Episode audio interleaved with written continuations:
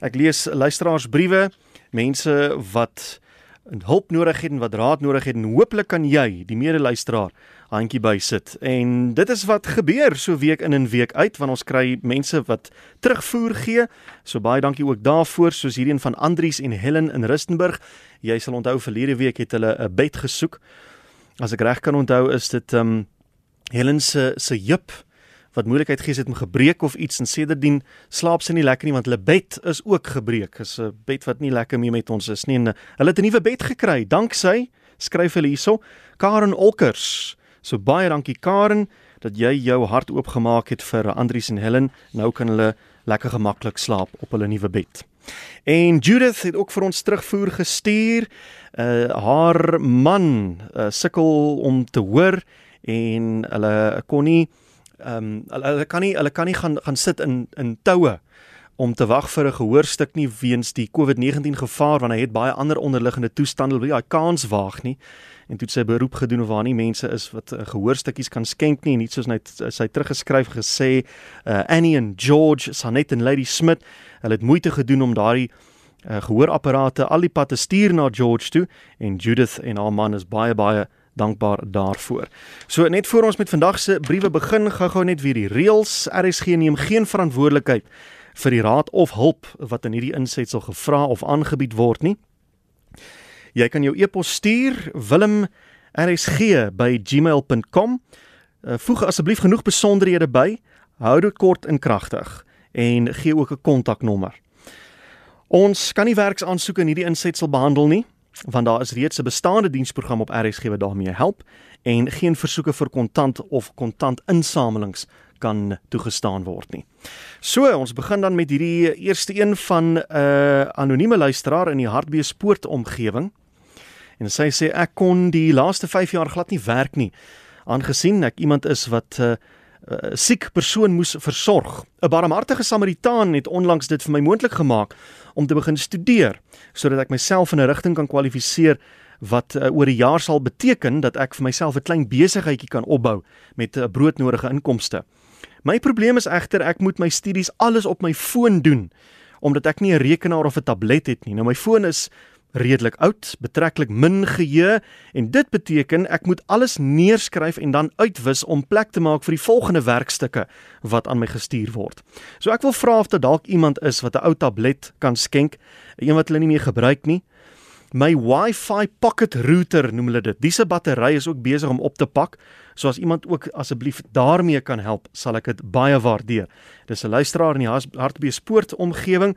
So as jy in daardie omtrek is en jy kan 'n ouerige tablet skenk en dan ook kan help met daardie Wi-Fi pocket router se batterye wat besig is om in te gee, want sy is besig om haarself te verbeter. Sy's besig om te studeer, sy wil iets maak van haarself en 'n lewe maak en 'n inkomste genereer. So ek dink dit is 'n goeie saak om te ondersteun as jy enigsins kan. Stuur 'n SMS na 45889 teen R50 en dan dan sal ek julle met mekaar in verbinding plaas. Nommer 2, het ons een van Martie. Sy sê as gevolg van die inperking het ek my werk verloor. Ek sukkel verskriklik om kop bo water te hou. So ek wil hoor en ek wil 'n beroep doen op die luisteraars of iemand my kan help met 'n battery vir my kar, lyk like my die karbattery gee moeilikheid en ek soek asseblief ook 'n tweedehandse naaldwerkmasjien sodat ek 'n inkomste kan genereer.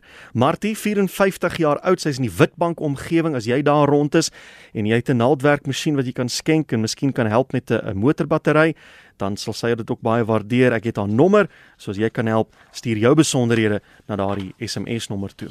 En dan hierdie laaste een, uh, wat ook ingestuur is deur 'n anonieme persoon in die is dit die Piketberg omgewing. Ja. Liewe luisteraars, ek skryf namens 'n vriendin. Uh, sy is 'n enkel ma van twee tieners. Dis nou 'n dogter in graad 9 en 'n seun in graad 7. Sy woon in Piketberg in die Wes-Kaap. Sy het onlangs 'n operasie ondergaan waar haar been tot onder die knie geamputeer is as gevolg van diabetes. Nou, ek wil graag 'n versoek rig vir 'n moontlike ondersteuning spesifiek vir die kinders.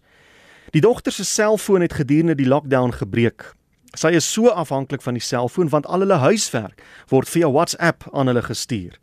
Sy keer eers begin Augustus terug skool toe. As daar iemand is wat dalk 'n selfoon wat hulle het nie meer gebruik nie en wat hulle kan skenk, sal dit baie waardeer word. Die dogter is nou al so goed geleer om die huishoudelike take te verrig want haar ma het 'n lang geskiedenis van diabetes en ek glo die dogter sal nou meer as ooit moet doen om haar ma en broer te ondersteun. Sy het nog haar skoolwerk ook wat sy op moet konsentreer.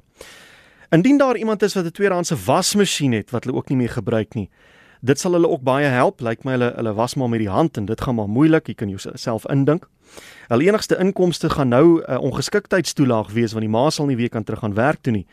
En dan doen ek ook 'n verdere beroep as iemand miskien krydeniersware kan voorsien vir so 'n maand. Dit sal ook baie help en baie waardeer word.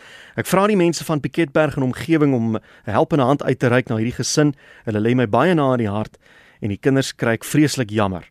As oulike pragtige kinders, asseblief kom hulle tegemoet. Die pad vorentoe gaan nie vir hulle maklik wees nie. So ek het altyd 'n sagte plek vir iemand wat namens iemand anders hulp vra.